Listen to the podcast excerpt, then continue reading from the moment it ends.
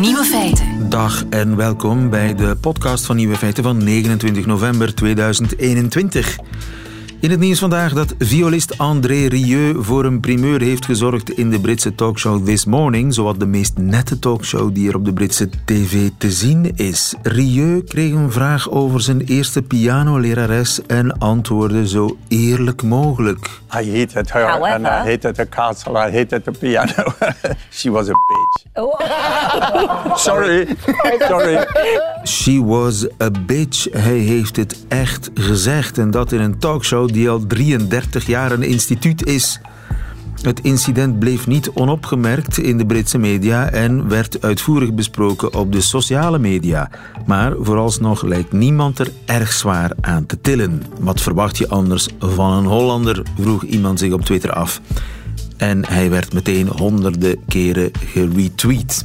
Case closed. De andere nieuwe feiten vandaag. Broeder Thomas uit Leuven is theoloog des vaderlands geworden. Nieuw MeToo-schandaal in Frankrijk. Grote spanningen tussen de BBC en het Koningshuis in Engeland. En hoe je lacht verraadt je afkomst. De nieuwe feiten van Grof Geschut, het Vlaams-Nederlandse cabaretduo, die hoort u in hun middagjournaal. Veel plezier. Nieuwe feiten. Altijd benieuwd. Held van de dag is broeder Thomas, want hij is dit weekend verkozen tot theoloog des vaderlands. Goedemiddag, broeder Thomas. Een goedemiddag, hallo. Broeder Thomas, elk jaar is er een nieuwe theoloog des vaderlands. Eh, moet je daarvoor kandideren of is dat iets wat je overkomt? Nou, bij mij was het zo eh, dat het inderdaad als een donderslag uit heldere hemel kwam. Ik zat op mijn kloostercel. Ik leef als monnik in de abdij Keizersberg in Leuven vanuit eh, sinds anderhalf jaar. En ik zat in een Zoom-vergadering en toen werd ik ineens eh, gebeld door de Nederlandse omroep. En ik dacht, och, wat willen die nou weer? En die zeiden, kent u die traditie van Theoloog Vaderlands? Ik dacht, die willen mij voor de jury misschien wel strikken. En toen zeiden ze, nou, de jury is vanmorgen bijeen geweest. En die heeft jou gekozen. En ik dacht, oh, eh, want dat is vanuit alle theologische opleidingen in Nederland, vanuit eh, kranten eh, met een christelijke signatuur en, en de omroepen. Dus het is best een eer, maar ik wist er dus absoluut niet, niks van. En het is ook wel dat je denkt, oeh, wat gaat nu allemaal op mijn pad komen? Wat is er mij nu overkomen? Je bent dus theoloog des vaderlands in Nederland, maar je woont in Vlaanderen. Dat klopt. En om het nou nog gekker te maken, ik ben dus eh, qua nationaliteit ben ik Duits. Nou, het is, eh, je zou kunnen zeggen, ik, eh, ik ben in dat opzicht echt een grensganger. Dus ik ben op een gegeven moment vanuit Duitsland, waar ik opgegroeid ben, ben ik in Nederland theologie gaan studeren aan de Radboud Universiteit in Nijmegen. En ik heb, ben daar dan later dan hoogleraar geworden en van alles voor theologie. En ben daar monnik geworden. Dus ik ben in Nederland het klooster ingegaan. Dus dat is al binationaal, zou je kunnen zeggen. Maar op een gegeven moment bleek in onze orde dat hier in de abdij Keizersberg in Leuven mijn profiel heel goed paste en ze behoefte hadden aan versterking. Zo ben ik anderhalf jaar geleden qua woonplek hier in, in, Leu- in Leuven beland. En geef ook les aan de, aan de universiteit hier, de KU Leuven. Dus ik ben echt trinationaal, zou je kunnen zeggen. En dat vind ik ook wel mooi, want eh, nou ja, kijk, vaderland. Ik kom uit een generatie, in, in, in, vooral in Duitsland, waar wij daar niet zoveel mee hadden. Dus ik vind hoe, open, eh, hoe meer we dat open kunnen trekken en echt voor een, eh, een signaal voor een grenzeloze wereld kunnen geven, en zeker al een grenzeloos Europa, hoe, beter, hoe beter dat is. Dus Ja. in die zin is dat een, vind ik een mooie bijkomstigheid. Ja, je bent dus theoloog des vaderlands, maar dat vaderland is vrij uitgestrekt. Dat kan zich uitstrekken tot, tot in Mazeik en tot in Poperingen.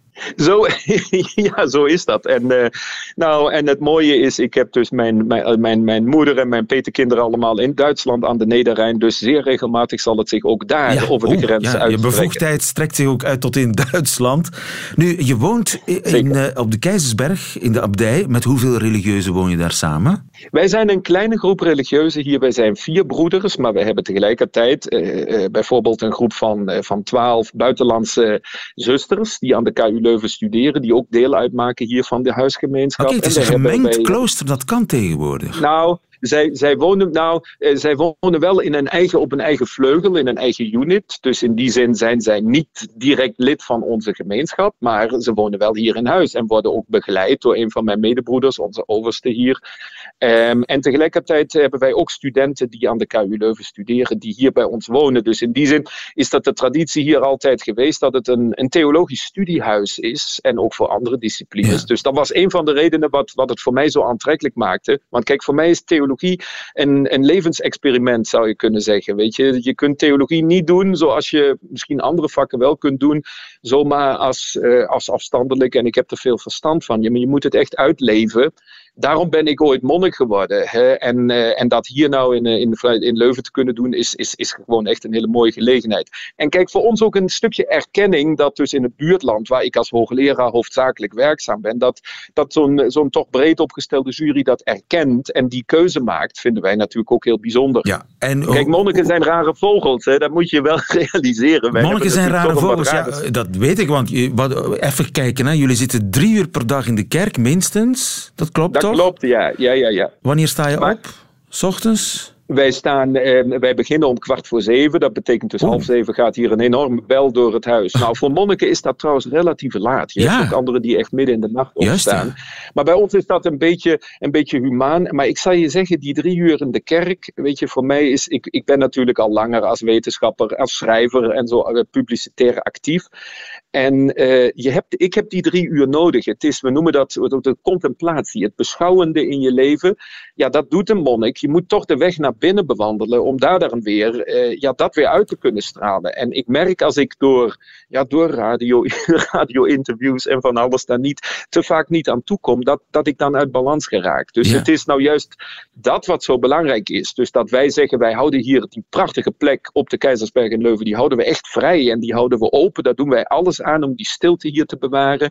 Nou, en als je je daar vaak genoeg in terugtrekt en daar je een levenstaak aan hebt, nou dan kun je ja, ik noem het bijna de stem van de oude profeten weer laten klinken. En is je, dat je als opdracht kunnen... als theoloog des vaderlands? Ja. Om de, de stem van de oude profeten te laten horen? Ja. Ja, maar wel met betrekking tot actuele thema's. Weet je, als ik zelf een grenzeloos type ben, zal ik je zeggen, ja, ik, ik kan uh, uit de Bijbel, uit uh, de profeten en later kan ik alleen maar maken dat we zeggen, we mogen ook helemaal niet in termen van grenzen denken, want je moet iedere vreemdeling ontvangen als ware met God zelf.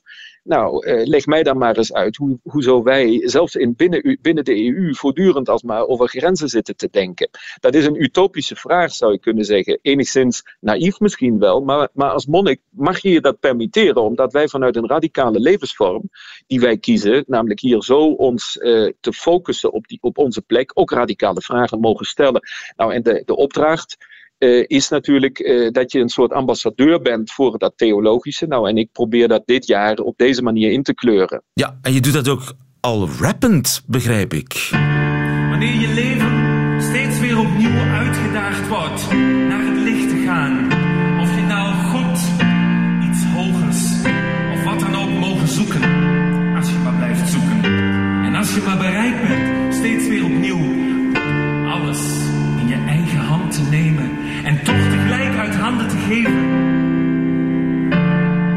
Ik ben inderdaad ook muzikant. Uh, we hebben nu net uh, toevallig een, een, een, een, een tournee met 20, 20 uh, plekken in België, Duitsland en Nederland achter de rug. Maar dat is meer een soort singer-songwriter iets. Maar ja, laten we wel wezen, Bob Dylan ja, die had het ook in heel veel van zijn teksten over die oude profeten. Hè? En uh, soms letterlijk zie je dat terugkomen. En dat soort muziek maak ik inderdaad ook zelf.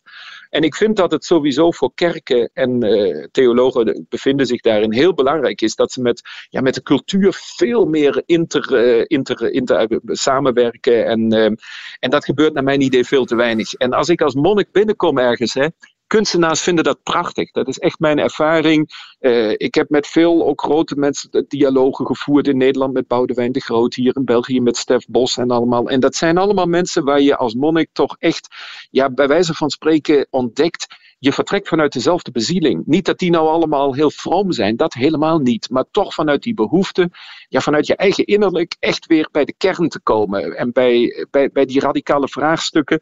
Ja, en als wij ze niet uiten, dan, dan uit ze niemand. En ik denk, ja, de compromissen die komen in de politiek enzovoort nog snel genoeg. Dus, uh, Geen compromissen wel, voor wel... de nieuwe theoloog des vaderlands. Uh, broeder Thomas, van harte gefeliciteerd. Mag ik je veel succes wensen met je theoloogschap des vaderlands. Goedemiddag. Dankjewel.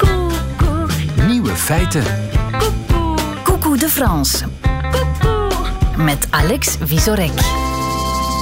De nieuwe feiten uit uh, Parijs en uit Frankrijk die horen we elke maandagmiddag uit de mond van onze landgenoot en mijn collega bij Radio France, Alex Visorek. Goedemiddag, Alex. Goedemiddag, lieven. En het Franse nieuws is niet altijd totaal anders dan het Vlaamse nieuws. Uh-huh. Want in Frankrijk waren deze week alle ogen gericht op een MeToo-schandaal rond een heel beroemde mediafiguur. Okay. Maar de vergelijking stopt daar, want het gaat hier nog verder. Laat me eerst Nicolas Hulot voorstellen. Voor vele Fransen wekt deze naam het volgende muziekje op.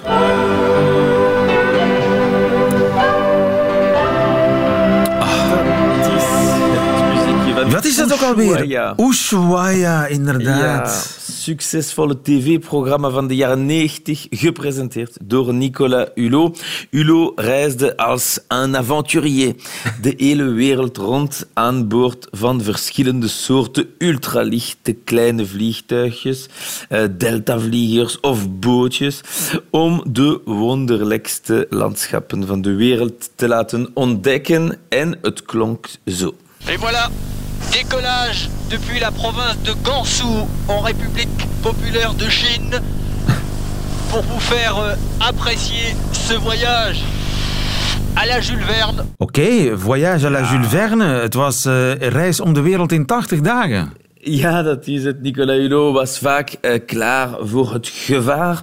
En de comedians, Les Inconnus, lachten door bijvoorbeeld mee met deze parodie waar Nicolas Hulot zogezegd in een heel gevaarlijke plaats in een wijk van Parijs rondliep. In Brussel zou je zeggen dat hij naar Molenbeek ging. Là, attention, ça y est, je viens de tourner là dans le, le boulevard euh, Barbès actuellement. Oui. Il y a beaucoup de monde, vous le savez. Oui, oui. fais attention à toi, Nicolas. Je fais attention, mais vous le savez, c'est actuellement le point de long recul. Je ne peux pas faire euh, demi-tour. hij kan niet meer terug. Het point of no return is bereikt als hij ja. in de boulevard Barbès rondloopt in, ja. in uh, Parijs. Een parodie dus. Maar uh, door zijn show werd Nicolas Hulot niet alleen een van de populairste presentators van Frankrijk. Hij werd ook een uh, boegbeeld van de bescherming van de natuur en ook een die beluisterd werd door de politici. In 2007 dwong hij zelfs de kandidaten voor de presidentieel om meer ecologie in hun programma's toe te voegen. On n'avait jamais vu ça. À trois mois du premier tour des présidentielles, un animateur télé oblige les candidats à l'élection suprême à revoir en urgence leur programme. Ja, dat uh, hebben we nog nooit gezien. Dat een tv-presentator de kandidaten van de presidentiële verkiezing ervan overtuigt ja. om hun programma's aan te passen richting ja, ecologie, meer ecologie. Ja, ja. Ja, en de stap naar de politiek was dus niet ver. Hij werd bijna de kandidaat om in 2011 de Groenen te vertegenwoordigen à la présidentielle. En als Emmanuel Macron president werd, heeft die een stunt kunnen doen, namelijk Nicolas Hulot benoemen als minister van Ecologie.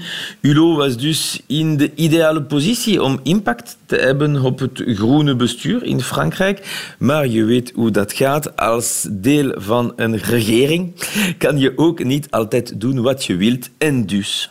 Je vais prendre pour la première fois la décision la plus difficile de ma vie. Je ne veux plus me mentir. Et donc je prends la décision de quitter le gouvernement. Oké, okay, hij wil niet meer liegen en dus ja. stapt hij uit de regering.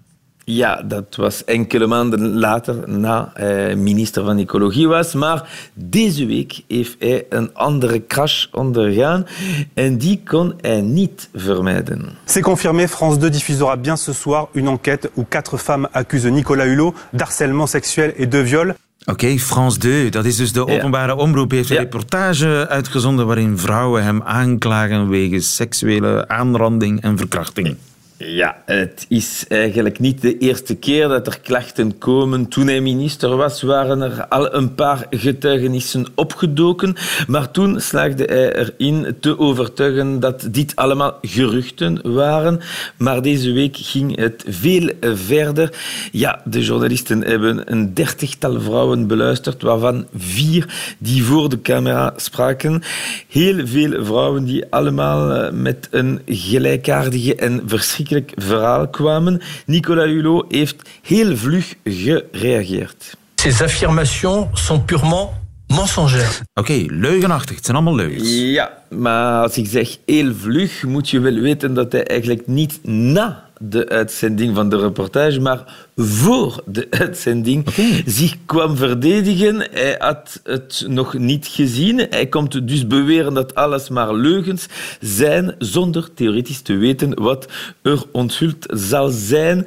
En het was een vrij pijnlijke verdediging. Als een goede ecologist heeft hij veel aan recyclage gedaan, vele recyclage van verdedigingsclichés die wij al gehoord hebben in zulke gevallen. Bijvoorbeeld het is zo lang geleden dat hij niet meer kon weten waarover het zou gaan. Je n'ai pas de nom. J'ai à peine des dates. Je ne sais même pas de quoi il s'agit. Oké, okay, ik weet niet waar het over gaat. Ik heb geen namen, geen data, ik weet niks. Maar als hij bleef praten, kon hij zich toch uiteindelijk wat dingen herinneren. Et non, il ne s'est rien passé lorsqu'elle était chez vous. Ah, si, il s'est passé quelque chose, mais dans un consentement et une harmonie classique d'une histoire sans lendemain. Oké, okay, er is, het was gewoon een one-night stand met wederzijdse toestemming. Ja, een harmonieuze one-night stand, zegt hij. Wel, nu hier wat hij harmonieus noemt. Il avait une main qui prenait ma main et qui était sur son sexe. Et avec l'autre main, il voulait que je l'embrasse, que je lui embrasse le sexe. Il me force à me faire une fellation. Oké, okay, ik ben gedwongen tot fellatio. Ja, en als de voorbeelden van gedwongen seks niet genoeg waren, durft hij er ook mee lachen. Je sais que j'ai un physique très ingrat. Et que donc, seule la contrainte me permet de vivre des histoires d'amour. Voilà. Mais non, donc, plus sérieusement...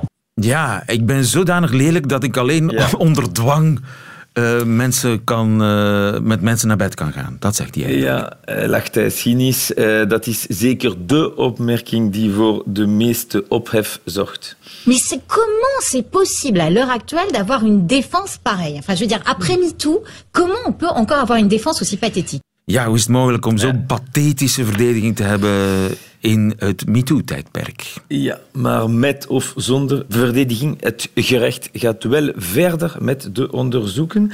De meeste feiten die hier aan bod kwamen zijn eigenlijk al verjaard, maar het gaat ook soms om minderjarigen. En dat kan betekenen dat hij uitzonderlijk toch nog strafbaar zou kunnen zijn. We krijgen sowieso het gevoel dat de MeToo-beweging nog veel tongen kan loslaten komen in Frankrijk. Nicolas Hulot in een MeToo-schandaal in Frankrijk. Hou ons op de hoogte hoe dit verder loopt in Frankrijk voor ons. Uh, Alex Vizorek, goedemiddag. Tot volgende week.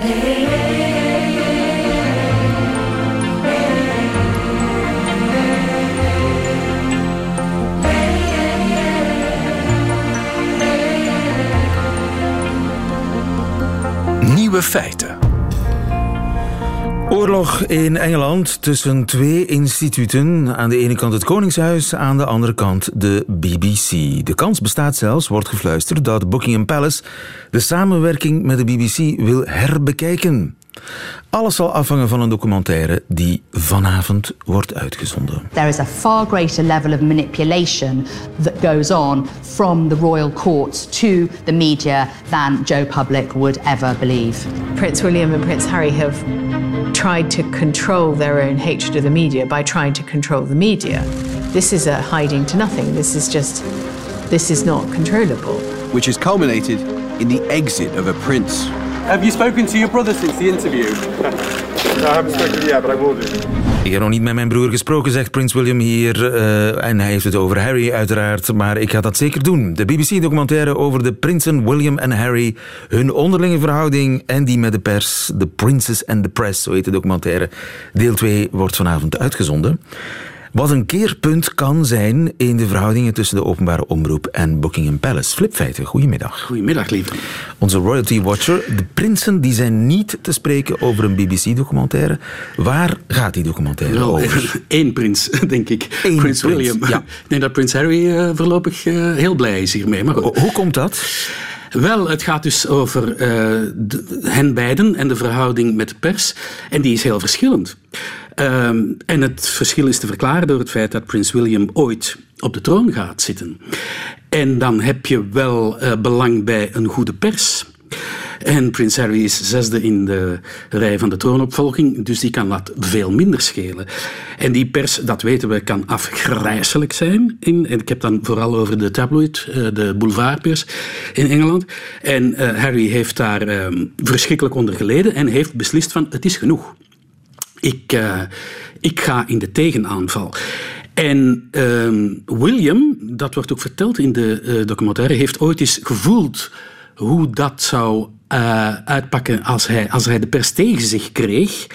Hij werkte in het begin van het huwelijk met Kate ook niet zoveel mee met de pers. En ze vonden bijvoorbeeld dat Kate haar haren zo hing, haar gezicht zo bewoog dat haar haren zo hingen dat ze de fotograaf haar gezicht niet kon fotograferen. De pers vond dat ze niet meewerkten, Kate en William.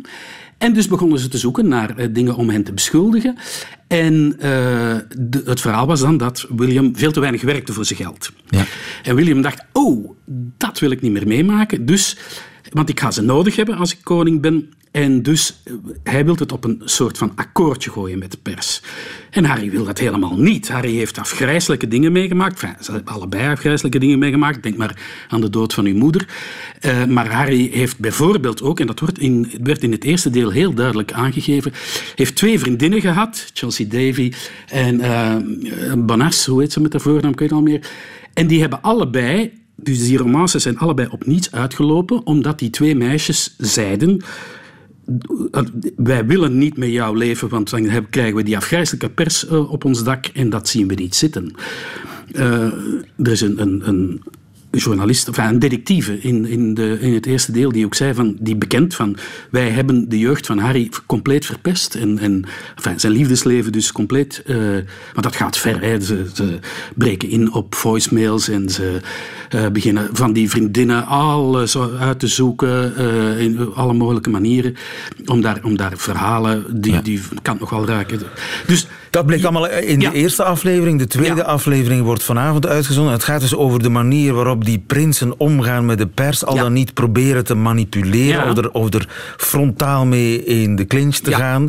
Die gespannen verhouding tussen... Ze hebben elkaar nodig. En tegelijkertijd zijn ze elkaars vijanden af en toe. De belangen lopen niet altijd uh, gelijk. Nee. Wat verwijt William nu de BBC? Uh, hij, wel, dat is nog niet duidelijk. Uh, ze want, vrezen dat er vanavond ja, iets vreselijks wordt uitgezonden. Ja, ze vrezen namelijk, dat is wat ze vooral vrezen, dat uh, de documentaire gaat beweren dat William geruchten heeft laten lekken over Harry. Om Harry zwart en Meghan, hè, om zwart te maken. En dan is de vraag van zelfs als dat zou beweerd worden in die documentaire, met concrete voorbeelden, uh, ja, klopt dat dan? Uh, en, en uiteraard, ik weet niet of het klopt of niet, maar uiteraard, William kan dat niet hebben, dat dat be beweerd zou worden, want dat, dat is een smet op zijn blazoen als, als toekomstige koning. En, um, maar de BBC, als ze dat beweren, zal daar dan precies. misschien wel bronnen voor ja, hebben. De eerste aflevering, eh, ik heb je al verteld, daar, daar is één iemand die uh, beweert dat de uh, Omid Scobie namelijk, de man die het boek heeft geschreven, dat heel uh, flatteus was voor um, Harry en Meghan, die heeft beweerd van, er zijn drie persteams Eén van Buckingham Palace voor de koningin, één van Kensington Palace voor William en één van uh, Clarence House voor prins Charles. En die vechten wel eens onder elkaar. En uh, Omid Kobi heeft beweerd dat in die gevechten ook uh, gebeurt dat ja, er wordt het geruchten gelost door die persteams. Die de anderen beschadigen. Maar dat was zo'n zo beetje algemeen. Hè? Die, uh, dus dus waar, waarbij impliciet beweerd werd dat William wel eens iets kan gezegd hebben of gelost hebben, uh, uh, met zijn medeweten heeft laten lekken om, uh, om Harry te beschadigen. Ja. Maar pff, verder is er in die eerste aflevering niks gezegd, dus no bombshells. De vraag is nu of er in die tweede iets van een bombshell zou kunnen komen. Ja, en de druk op de BBC is groot om alsnog ja. in te grijpen. Wel, uh, ik weet dat ze lijn per lijn, echt zin per zin, hebben nagekeken met uh, advocaten. Om zeker te zijn dat er uh, niets zou beweerd worden wat, wat een proces tot gevolg zou kunnen hebben. Aan de andere kant zitten nu ook vanavond advocaten mee te kijken. En ja, de, de, de, um, het Koningshuis, Prins William, is ook heel boos, omdat hij de, de documentaire niet op voorhand heeft mogen zien. Aha. Maar, uh, ten eerste, er is uiteraard, de BBC heeft uiteraard gevraagd aan uh, mensen van het Koninklijk Huis om te reageren hè, en om dat te filmen en, en uh, een weerwoord te hebben in de documentaire. Dat hebben ze geweigerd. Ze hebben alleen maar een, een kort statement gelost. Nu, als je zelf niet meewerkt aan die documentaire, dan denk ik ook niet dat je kan claimen dat je het recht hebt om die ja. vooraf te zien. Redactionele Bovendien, onafhankelijkheid natuurlijk. Precies. Hè? Dat een heilig principe. Precies. Bovendien... Uh, er is maanden aan gewerkt. Er zijn 80 interviews gebeurd voor, dit, uh, voor deze documentaire. En ze hebben in uh, extremis, ter elfde uren, nog van alles moeten veranderen, omdat de actualiteit veranderd was. Namelijk, je weet dat Meghan een proces had met een krant. Dat had ze voorlopig gewonnen. Maar mm, een van haar uh, vroegere persmedewerkers heeft e-mails gelost. En daardoor heeft ze haar standpunten moeten uh, bijstellen en zeggen dat ze wel met dat boek van die Omid Scobie, waar ik het net over had, lekken en wederlekken mee, als het had. ware. En dus ze hebben moeten monteren tot het einde, tot vlak voor de uitzending. Dus ze hadden ook niks om te kunnen laten zien. Snap je? Ja. Aan, aan, uh, dus, maar enfin, bovenal is het argument wat jij zelf noemde. Uh, we hebben een vrije pers, hè? dus de BBC mag in principe een, een, documentaire over de Royals uitzenden, zonder dat ze die, zeker als ze daar zelf niet aan meegewerkt hebben, zonder dat ze die op voorhand hebben gezien. Punt aan de ja. lijn. Ja. En, en, toch is het natuurlijk zo dat de Queen is bijvoorbeeld volgend jaar 70 jaar Queen. Ja. Daar zijn allerlei festiviteiten rond. De BBC is eigenlijk de natuurlijke Uiteraard. partner van de Queen om die festiviteiten National uit te zenden. Broadcaster. Dat, die verhouding zou wel eens herbekeken kunnen worden. Ja, dat staat. Britse kranten leven van hè, opblazen van, van dit soort uh, dingen. Nee, toch? Dus, dat, dus het zou mij heel hard verbazen dat het Koningshuis zo ver zou kunnen gaan. Maar er is wel een klein precedent. Uh, voor het eerst gaat een, een kerstconcert uitgezonden worden. Uh, dat als presentatoren, zeg maar, enfin, als hosts zeggen ze dat, hoe noem je dat, als gastheer uh, Prins William zal hebben. En dat uh, wordt opgenomen door de, de BBC, maar uh, Prins William heeft er elfde uren ineens gezegd van ja, maar de, jullie BBC, hoewel jullie het opnemen, we gaan jullie niet het recht geven om het uit te zenden, we geven de voorkeur aan ITV. Nou. Dus, dat, dus dat is wel een soort van... Nou, het is nog Het is oorlog. Gebeurd. Het is oorlog, Flip. Ja, ja. Zo simpel is het. Ja, ik, ik misschien blazen we het op, maar ik denk dat het wel een beetje oorlog is. Ik denk dat William ook niet uh, um, de geschiedenis wil ingaan als even heet gebakerd als Harry. Uh, dus ik denk dat hij even zijn spieren heeft laten rollen. En er zijn nog ooit koninklijke programma's en interviews uitgezonden door ITV. Um, maar het zou mij heel erg verbazen als hij zei, we zullen vanavond kijken, hè, lief? Ja, spannend in ieder geval. Wordt, we kijken vanavond ja. om te zien of er iets verandert in de relatie tussen de BBC en dat andere Britse instituut, het Koningshuis. Flipfeiten, dankjewel om ons weer helemaal bij te praten My over pleasure. deze kwestie.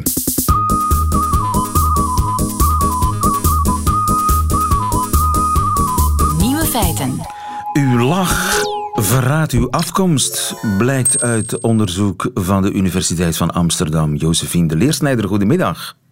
Goedemiddag, lieven. Je bent professor sociale en culturele psychologie aan de Universiteit van Leuven. Het zijn collega's van u van de Universiteit van Amsterdam, de UvA.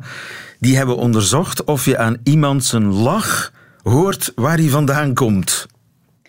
Ja, wel meer precies hebben ze gevonden dat je op basis van iemands slag kunt zeggen of die persoon tot je eigen groep behoort of tot een andere culturele groep. Dus stellen dat je kunt zeggen waar dat die persoon precies vandaan komt, is misschien een brug te ver.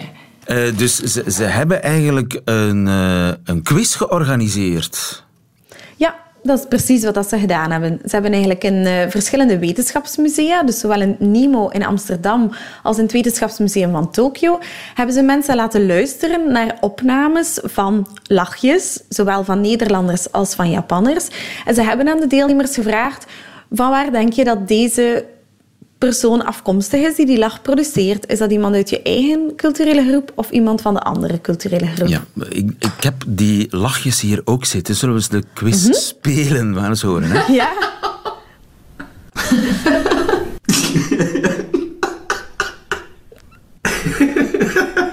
dus de vraag is, is dit een Hollandse lach of is dit een Japanse lach? Dat lijkt mij overduidelijk een Hollandse lach. Oké, okay, dan ben je heel... Uh, ik was daar eigenlijk niet zo zeker van, maar we gaan eens naar de andere lach. Ja. Hier ben ik wel... Ja, dit lijkt mij inderdaad wel duidelijk de Japanse lach. Dus dan zal de andere wel de Nederlandse lach. Ik vond het, ik vond het niet zo uitgesproken, eerlijk gezegd. Ja, misschien komt het omdat ik zelf een tijdje aan de Universiteit van Amsterdam gewerkt heb en dus ook echt wel vertrouwd dus ben met de Nederlandse manier van lachen, dat ik misschien net zoals de deelnemers in het experiment deze lach herken als zijnde van mijn in-group, van de mensen uit mijn eigen socioculturele context. Ja, zou er een verschil zijn tussen de Vlaamse lach en de Hollandse lach? Ja, misschien. Alhoewel dat er een eerder onderzoek uh, wel aangetoond is dat als je mensen vraagt om de lach te beoordelen van iemand ja, uit hun eigen groep versus een ander Europees land, dat ze het daar heel moeilijk mee hebben. Ah, ja. Dus dat er toch wel iets is met die culturele afstand die blijkbaar een rol speelt. Dus eerder onderzoek waarbij dat eigenlijk het, uh, de quiz ingewikkelder werd gemaakt, zeg maar, waarbij dat men keuze had uit drie landen of zes landen. En landen die ook dichter lagen bij uh, de eigen context, daar was het eigenlijk onmogelijk voor participanten om te zeggen van dit is nu um, een lach uit mijn eigen groep of uit een andere groep, was te moeilijk. Ja, maar dus uit dat onderzoek blijkt dat mensen heel goed kunnen het onderscheid maken tussen een, een Nederlandse lach en een Japanse lach. Of juist exact gezegd, de, de lach uit de eigen groep mm -hmm. en die van een, een groep die cultureel vrij ver van ja, de eigen groep staat. En geldt dat ook voor de geforceerde lach? Ja, dat was dus eigenlijk de grote hypothese van de onderzoekers, dat dat net makkelijker zou zijn voor de geforceerde lach dan voor de spontane lach. Omdat ze dachten, goh, weet je, de systemen die eigenlijk de spontane lach opwekken bij mensen, die zijn zodanig evolutionair geworteld, dat die eigenlijk overal ter wereld hetzelfde zouden zijn, terwijl dat die geforceerde lach misschien meer cultureel bepaald is. Dus ze dachten, het zal makkelijker zijn voor die geforceerde dan voor de spontane lach. Maar mensen kunnen het even goed voor beide types. Het, het verschil zou groter zijn bij de geforceerde lach? Dat was wat dat de onderzoekers dachten te vinden, maar dat hebben ze niet gevonden. Het was even makkelijk om te zeggen, dit is een persoon van mijn eigen of een andere groep, voor de geforceerde als voor de spontane lach. We gaan eens luisteren, hè? Ja. Dit is een geforceerde... Het is duidelijk geforceerd. Maar uh, of het Japans is of Nederlands... Ja, dat is eigenlijk niet zoveel verschil met de spontane lach. Hè? Je hoort alleen dat die uh, geforceerd klinkt. Wat, wat schieten we daar nu mee op met dat soort onderzoek? Ja, ik denk in eerste instantie is het onderzoek toch wel belangrijk voor de wetenschap over emoties en cultuur. Namelijk omdat het aantoont dat er wel degelijk culturele verschillen zijn in de manier waarop we onze emoties uiten. En niet alleen dus in de, wat dat we noemen dan de, de manieren waarop dat we onze emoties proberen weg te stoppen of te reguleren. Hè. Dus niet alleen ook in die geforceerde lachjes, maar evengoed in die spontane lachjes. We zijn echt gesocialiseerd in onze sociale context om onze emoties op een bepaalde manier te uiten. En dus bijvoorbeeld om te lachen op een manier die typisch is voor onze culturele groep. En dat kunnen we ook herkennen. En dat is uh, een nieuw feit. Dankjewel, Josephine de Leensnijder. Goedemiddag. Alsjeblieft. Nieuw Nieuwe feiten. Ziezo, dat waren ze, de nieuwe feiten van 29 eh, november 2021. Alleen nog die van het Vlaams-Nederlandse cabaretduo Grof Geschut krijgt u in hun middagjournaal. Nieuwe feiten. Middagjournaal. Beste luisteraar. Ruim een week geleden gingen wij in première met onze tweede avondvullende voorstelling Broeden perfect getimed bleek. Want gisteravond ging Nederland weer in lockdown. En ronden wij daarmee onze Nederlandse tournee af met het prachtige aantal van drie theaters op de teller. En kunnen wij achteroverleunend, zwemmend in het geld, genieten van algehele wereldfaam in heel Den Bosch, Vechel en Rilland. Gelukkig kunnen we in België nog wel spelen. Maar nu hoor ik u denken, lieve luisteraar, was dat niet gedaan tussen die twee? Staan die überhaupt nog samen op een podium? Dan zullen ze wel terug een koppeltje zijn. Niks blijkt minder waar, nog steeds uit elkaar. En God weet dat ik het heb geprobeerd. Dus wij kunnen u vandaag het heugelijke nieuws brengen. Een break-up hoeft geen horror en ruzie te zijn. Sterker nog, het gaat nu beter met ons twee. Ja, veel beter. Ik ben echt stukken gelukkiger nu. Echt stukken gelukkiger dan toen wij nog samen waren. Echt stukken, stukken gelukkiger. Echt stukken, stukken. Ook professioneel. Samenspelen met Lander. Sinds ik daarna niet meer met hem mee naar huis hoef, is het samenspelen zo lekker. Wij vonden het echt belangrijk dat wij als grof geschut konden blijven bestaan, dus wij zijn in therapie geweest. Naar een soort van hoe in deze nieuwe constructie toch professioneel kunnen blijven samenwerken therapie. Bij, Chantal. Ja, Chantal, dat is een koppeltherapeute. Om te ontkoppelen, natuurlijk. Ik geef relatietherapie om veilig te kunnen ontkoppelen. Voor ons heeft dat heel goed gewerkt. Dikke aanrader. Iedereen gaat altijd in relatietherapie om kosten wat het kost samen te blijven. Maar eigenlijk zouden wat meer koppels in therapie moeten durven gaan om uit elkaar te gaan en uit elkaar te blijven. Echt een aanrader. Chantal, die krijgt echt iedereen uit elkaar. Koppels ook die nu aan het luisteren zijn, die op een kruispunt staan, die het niet weten welke kant dat ze op moeten, terug dichter bij elkaar of net als wij echt ontkoppelen. Chantal. Want laten we eerlijk zijn, het wordt de koppels van deze tijd ook niet makkelijk gemaakt. Week na week nieuwe maatregelen. Nu zit u daar, opgescheept met een partner die zo verzot is op korfbal, maar niet meer live kan gaan kijken, s'avonds thuis op de bank. Nu zit u daar, in plaats van een avondje supporteren met de boys, verplicht thuis in de zetel mee te supporteren bij K2 zoekt K3. U afvragend of die K slaat op hun karakter of hun hyperkinetische kop. En als u nu in de angst dat er ook in België een nieuwe lockdown aankomt, al doembeelden voor u ziet, van lockdownavonden thuis op de bank met je wederhelft avond aan avond rummy kuppend, terwijl je dat allebei een kutspel vindt? Als je jezelf al voor je ziet met kerst, niet met de hele familie in het lievelingsrestaurant van de Pomma, maar met z'n tweetjes huilend thuis in de zetel in een living die stinkt naar verbrande ovenhapjes. De keukenmessen al getrokken? Denk dan aan Chantal. Want, relatietherapie is de beste bezigheidstherapie. U zult er geen spijt van krijgen, lieve luisteraar. Kijk maar naar ons. Sinds wij niet meer samen door één deur hoeven, kunnen we eindelijk weer samen door één deur. We kunnen het eigenlijk elk koppel aanbevelen. Want zoals Chantal altijd zegt, een, dag, niet ontkoppeld is een dag niet geleefd. Tot morgen.